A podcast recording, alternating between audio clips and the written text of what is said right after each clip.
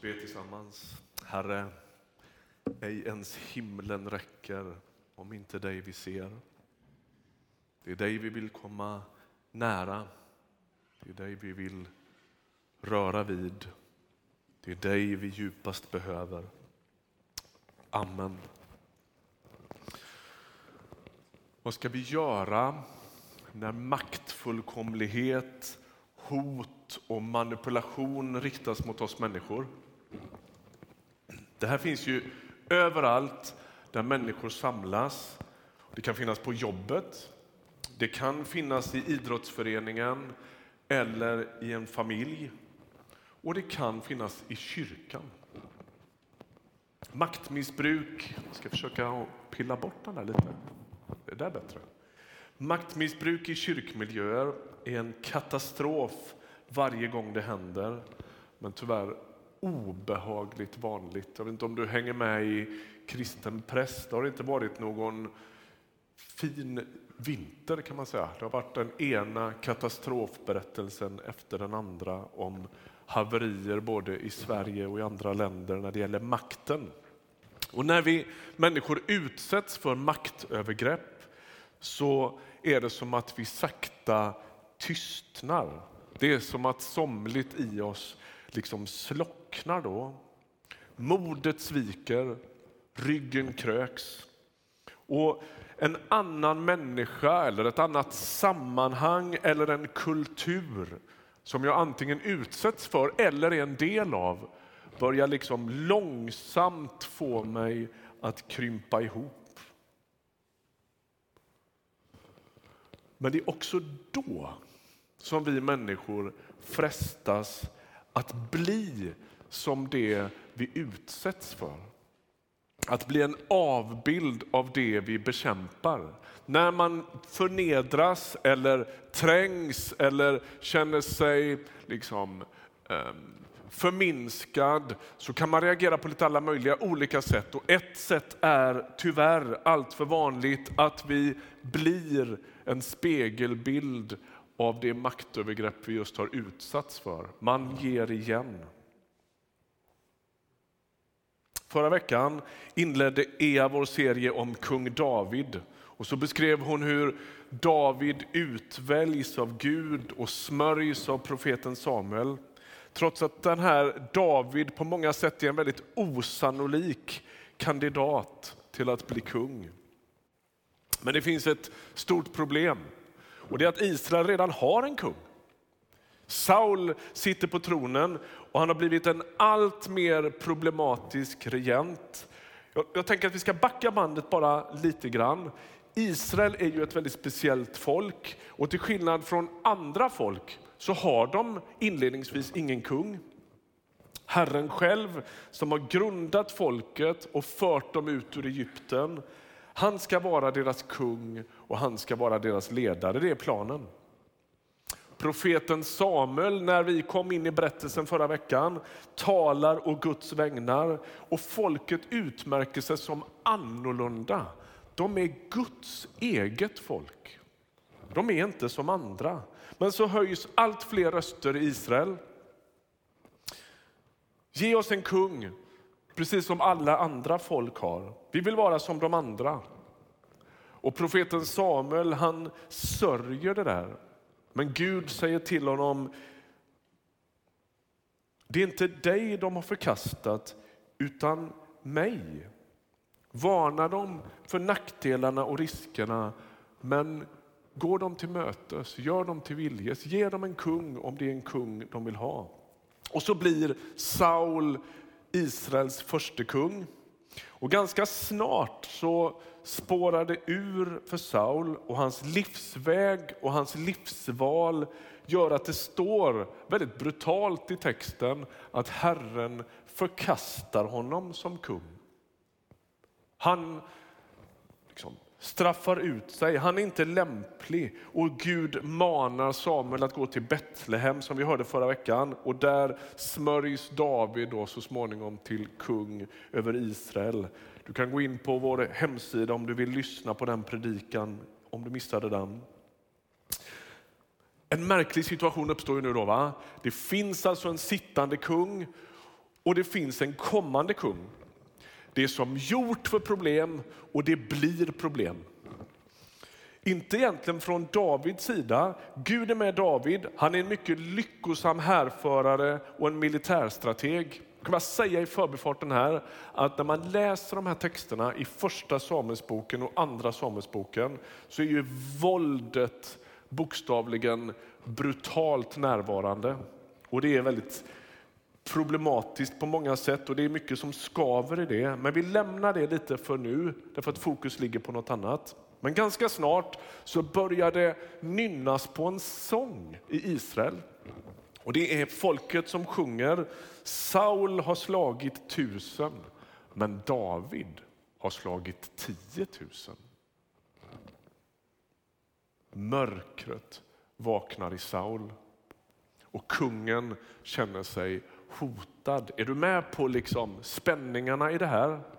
Det är en liten herdepojke med en luta på armen som hotar kungen.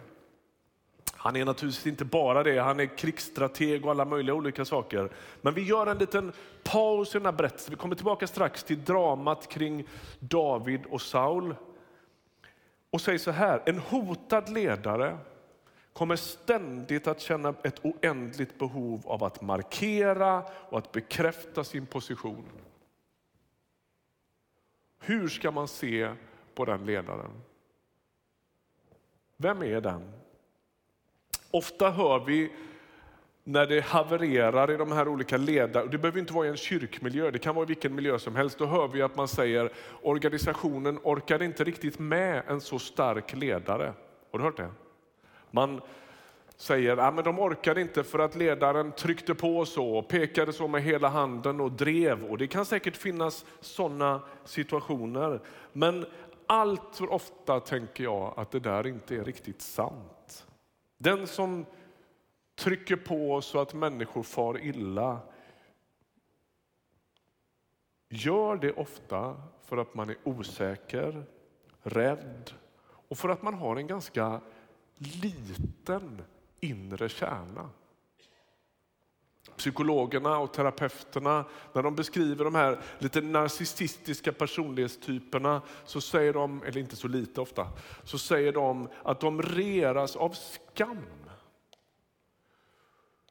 Och ja, men En sån figur är ju Donald Trump då, som ju med så mycket muskler och testosteron och, och liksom kraftfullhet han bara kan försöker styra hela världen och alla runt omkring sig.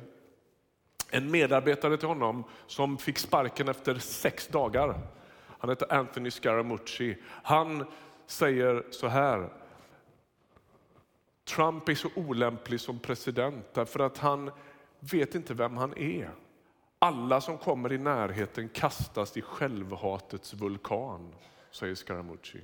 Nu är Scaramucci inte själv någon nyansernas mästare, men det där tror jag han sätter fingret på något. Den som regeras av skam kommer att förtrycka sin omgivning. Det är inte säkert att den här ledaren är så stark, utan kanske det är något annat. Någon har sagt så här, det jag fruktar allra mest det är den som har så tjock hud att han står upp trots att han saknar ryggrad. Är du med på den här, det här liksom kompensatoriska beteendet? Jag saknar en inre kärna och måste kompensera det genom ett pansar. Jag tycker det är ett väldigt bra citat. Jag har försökt få reda på vem som har sagt det där, men det är inte så noga. Jag tycker det är bra. Ett inre, ett litet inre, en svag kärna, ett otydligt jag kompenseras med tjockt pansar. Osäkerheten och den svaga kärnan gör att ledaren riskerar att göra människor väldigt illa.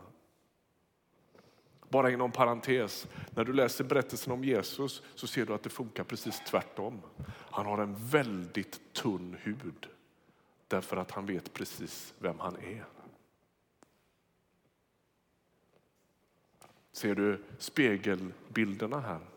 Den lilla kärnan kompenserar med ett pansar och den trygga identiteten gör att man kan leva med tunnare hud. När vi talar om sårbart ledarskap så behöver vi ta ett litet andetag och fundera över vad vi egentligen menar med det. Att visa sin svaghet, att visa sina begränsningar är ofta en god sak. Men att vara en sårad ledare som ständigt leder genom sin obearbetade smärta, det är en väldigt farlig sak.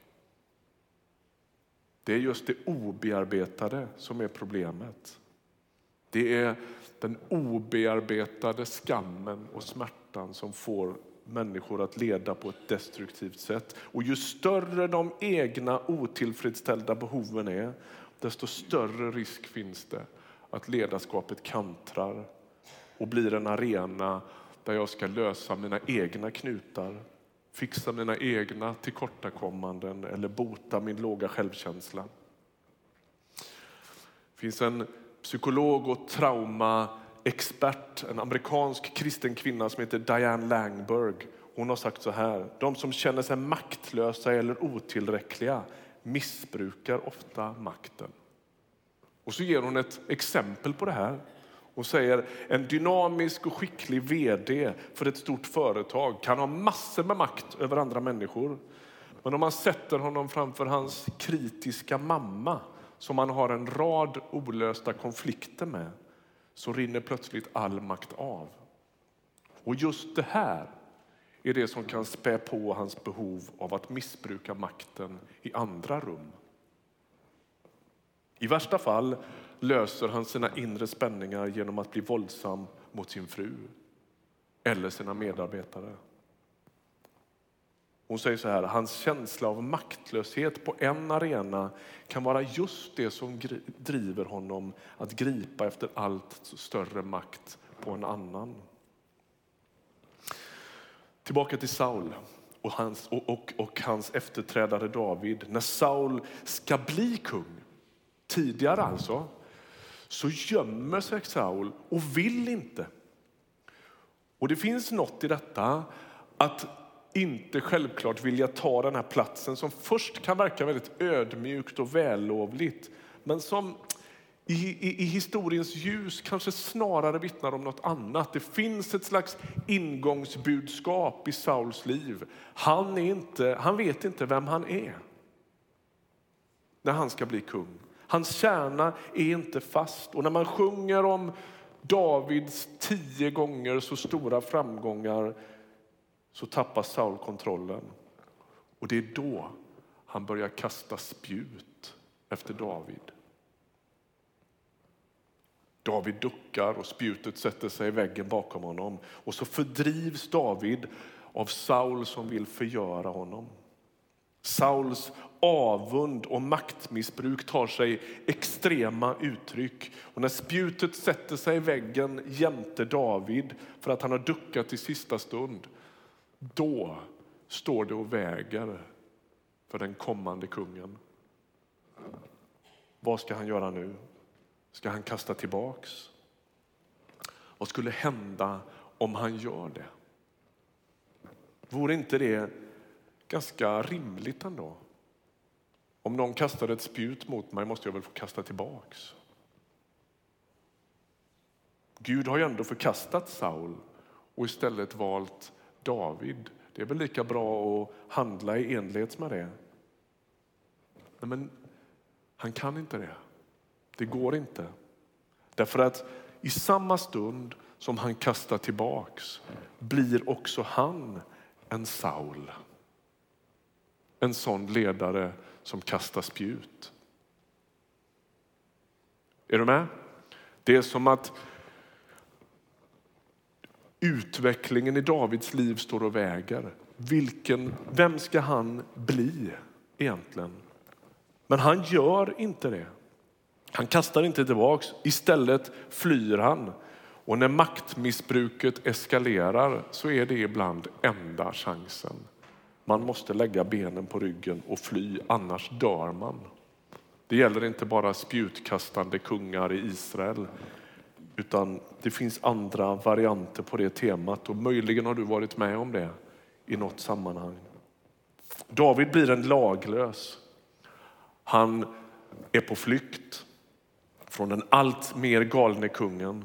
Och runt David samlas några hundra män som blir hans gäng. Lyssna vilka det är. Alla slags nödställda, missnöjda och skuldsatta samlades runt honom i allt omkring 400 man och han blev deras hövding. Det är ju ingen... Det luktar ju liksom inte regentskap om det här. Han är en outcast och han är på flykt tillsammans med sina nödställda, missnöjda och skuldsatta. Saul han blir helt manisk och besatt av att döda David. Och vid ett par tillfällen så har David chans att döda Saul. En gång kommer Saul in i en grotta och längre in i grottan så sitter David med sina män gömda. Och männen hetsar honom. Nu har du din chans. Och de säger till och med, det är Gud som har gett dig den här chansen. Gå fram och häv ihjäl den här Saul nu så att vi är färdiga med den här farsen. Det är ju du som är den riktiga kungen. Ta honom. Och David går fram bakom Saul i mörkret i den här grottan och så skär han av en liten flik av, Davids, eller av Sauls mantel. Och när Saul går därifrån så står det så här.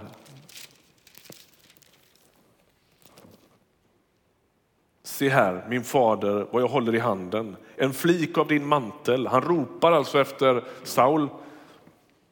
Jag kunde ha dödat dig, men jag ska bara av en flik av din mantel. Då måste du förstå att jag inte är skyldig till något ont. Jag har inte förbrutit mig mot dig. Du däremot lägger försåt för att bringa mig om livet. Herren ska döma mellan oss. Herren ska hämnas på dig för vad du har brutit mot mig. Själv ska jag inte röra dig. Du vet hur de gamla brukade säga.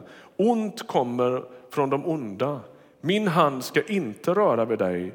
Mot vem har Israels konung dragit ut? Vem är det du jagar? En död hund, en ynka loppa. Men Herren ska vara domare. Han ska skipa rättvisa mellan dig och mig. Han ska ta sig an min sak och skaffa mig rätt gentemot dig. Vad är det vi är vittnen till här?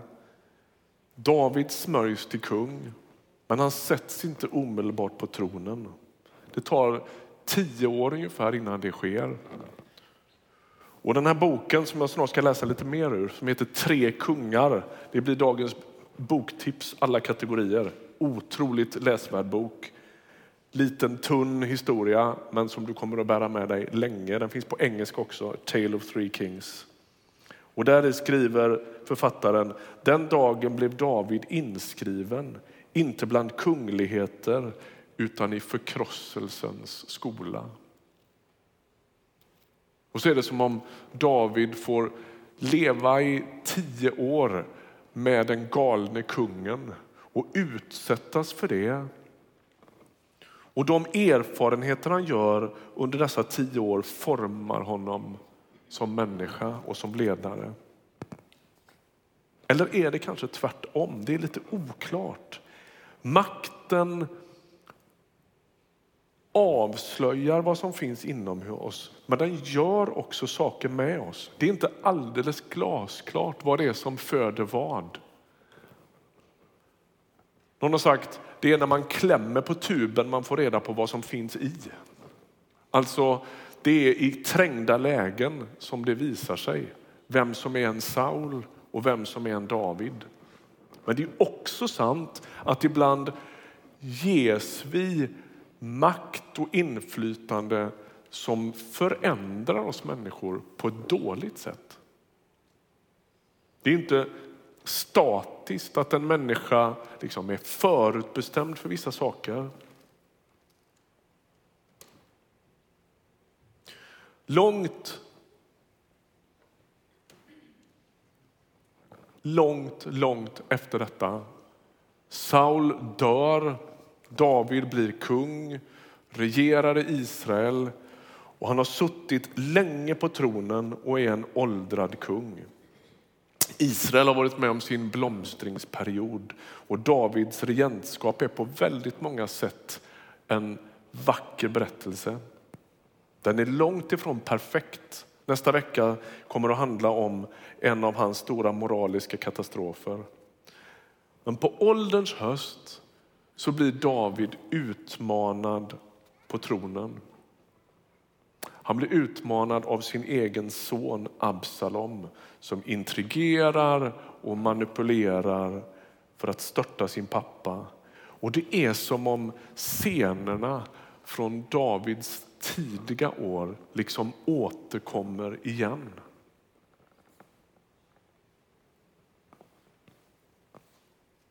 Någon vill honom illa. Någon önskar störta honom från tronen. Men nu är han inte en ung tronpretendent, en harpospelande yngling med goda framtidsutsikter och en kallelse från Gud. Utan nu är han kung, han har alla resurser till sitt förfogande och han står inför ett val. Ska jag till sist bli en Saul i alla fall? Ska jag till sist börja kasta spjut eller ska jag låta bli? David blir inte en Saul som kastar spjut. Så här står det i boken Tre kungar. Sa jag att du borde läsa den här? Mm. Han talar med sin rådgivare Joab. Önskar ni att jag hindrar honom? säger Joab. David vände sig om. Plötsligt hade Joabs fråga visat på problemet. Det ska du inte. Du ska inte säga ett enda ord till honom. Inte heller ska du kritisera honom. Du ska inte heller tillåta någon annan att kritisera honom eller det som han håller på med. Framförallt ska du inte hindra honom. Men, säger Joab, kommer han inte snart att ha övertagit makten? Återigen drog David en lång stilla suck. Under ett ögonblick tycktes det som att han pendlade mellan tårar och leende. Så log han och sa, ja, det är möjligt att han kommer att göra det. Vad ämnar ni göra? Har ni inga planer? Nej, inga. Uppriktigt sagt så har jag ingen aning om vad jag ska göra. Jag har utkämpat många strider och uthärdat många belägringar. Vanligtvis har jag alltid vetat vad jag ska göra.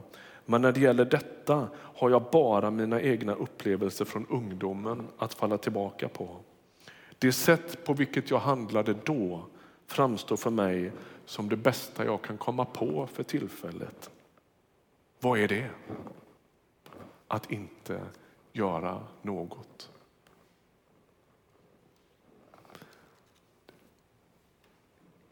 David ställs inför två Saul. En innan och en i slutet av sin regenttid. Och hans hållning är densamma. Det är Herren som avgör. Det är han som utväljer. Och det jag har sökt hela mitt liv är inte en position utan hans vilja. Det är det David liksom landar i. Om det tas ifrån honom så må det vara så. Om Gud vill att David ska leda så får han sörja för det. Att David själv skulle slåss för sin position är orimligt. Då blev han ju en Saul. Eller en Absalom. Att han själv både i början och i slutet av sitt liv har varit utsatt för ett flagrant maktmissbruk är ingen ursäkt. Med Guds hjälp ska han aldrig bli en ledare som kastar spjut.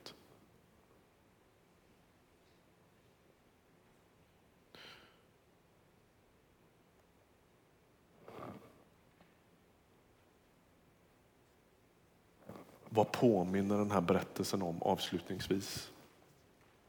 Den påminner om en trängd och sönderslagen Jesus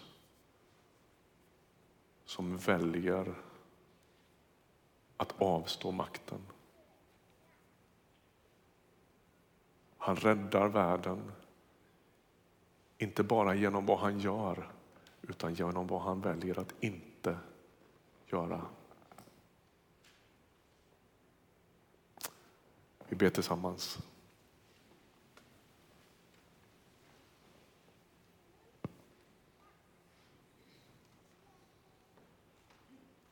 Herre, du är ödmjukhetens konung. Alla vi andra är mer eller mindre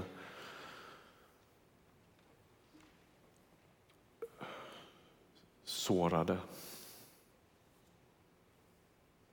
obearbetade. Vi ber att du ska ta oss vid handen, hela vårt inre, röra vid våra hjärtan. Vi ber att du ska hjälpa oss med vårt språk, med vår ton. Vi ber att våra reaktioner ska lukta Jesus. Vi ber att vårt sätt att lösa konflikter ska dofta Jesus.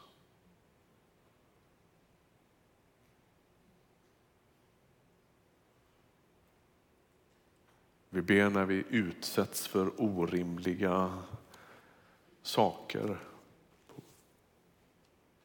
Vilken miljö det än är så ber vi hjälp oss att inte bli de som kastar spjuten tillbaks.